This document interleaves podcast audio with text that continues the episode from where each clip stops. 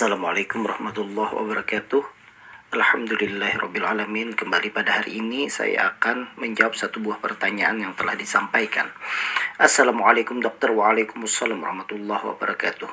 Saya mendapat undangan untuk vaksinasi booster COVID-19 yang pelaksanaannya di siang hari. Yang mau saya tanyakan Bolehkah seseorang disuntik saat sedang berpuasa? Saya khawatir kalau-kalau jadi lemes saat disuntik karena saya sering kurang fit. Terima kasih dok atas jawabannya dari Ibu Sofia. Baik Ibu Sofia, terima kasih banyak atas pertanyaannya. Jadi pertanyaan ini adalah booster. Booster itu artinya dilakukan penyuntikan lagi terhadap vaksin COVID-19 yang ketiga. Jadi kalau kita menyebut booster artinya dia sudah mendapatkan suntikan yang ketiga. Nah, pertanyaannya apakah boleh disuntik saat berpuasa? Kalau pertanyaannya adalah bolehkah disuntik saat berpuasa? Ya jawabannya adalah boleh. Selama seseorang tersebut fit, selama seseorang itu dinyatakan layak oleh dokter dan sesuai dengan batas-batas fit seseorang dari tekanan darah, gula darah, kemudian kalau sudah usia tua, adanya skor rapuh dan semuanya dinyatakan fit, maka seseorang tersebut boleh dilakukan suntikan walaupun sedang berpuasa. Nah pertanyaannya adalah Ibu Sofia khawatir apakah setelah menyuntik tersebut terjadi lemes atau tidak. Nah, dalam beberapa penelitian tentang vaksin COVID-19 memang ada laporan dikatakan bahwa setelah penyuntikan itu dikatakan lemas.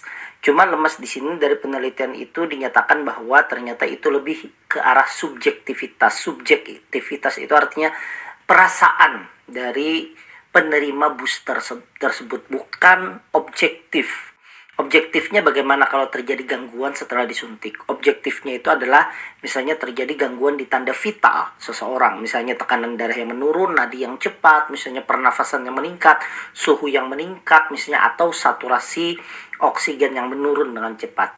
Nah, dalam penelitiannya tidak ada hal tersebut terjadi kalau seandainya secara subjektif dikatakan lemas.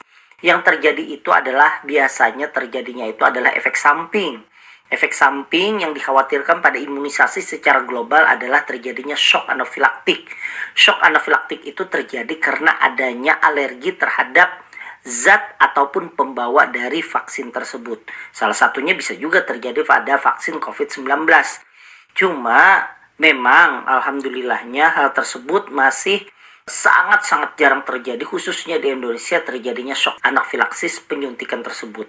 Dan juga sebelum penyuntikan pasti tenaga medis akan menanyakan kepada seseorang apakah terjadi alergi ataukah punya alergi terhadap komponen obat-obat tersebut.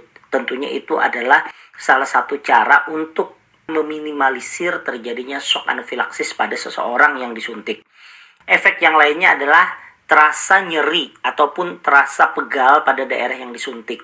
Dan ini pun juga terjadi nyerinya ini terjadinya beberapa jam bahkan beberapa hari, 1 sampai 2 hari setelah penyuntikan tersebut.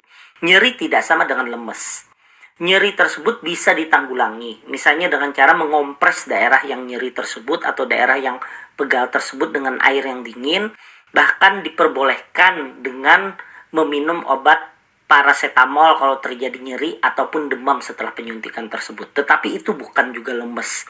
Artinya kalau seseorang ada klaim mengatakan bahwa lemas setelah disuntik itu adalah uh, bersifat subjektif. Ada beberapa juga yang laporan menyatakan mengantuk. Nah, tapi dalam hal pembelajarannya dalam hal penelitiannya itu memang tidak ditemukan bagaimana patofisiologinya setelah disuntik seseorang itu menjadi lemes atau seseorang itu menjadi mengantuk.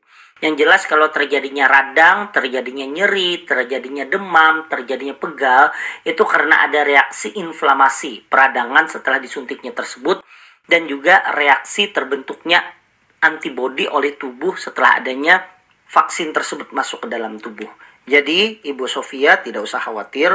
Menurut saya kalau saya alasannya itu adalah lemes, menurut saya tidak ada masalah karena memang lemes itu adalah subjektif. Dan kalau seandainya memang kurang fit, maka sebaiknya sebelum disuntik tersebut konsultasi dulu kepada dokter yang akan menyuntik.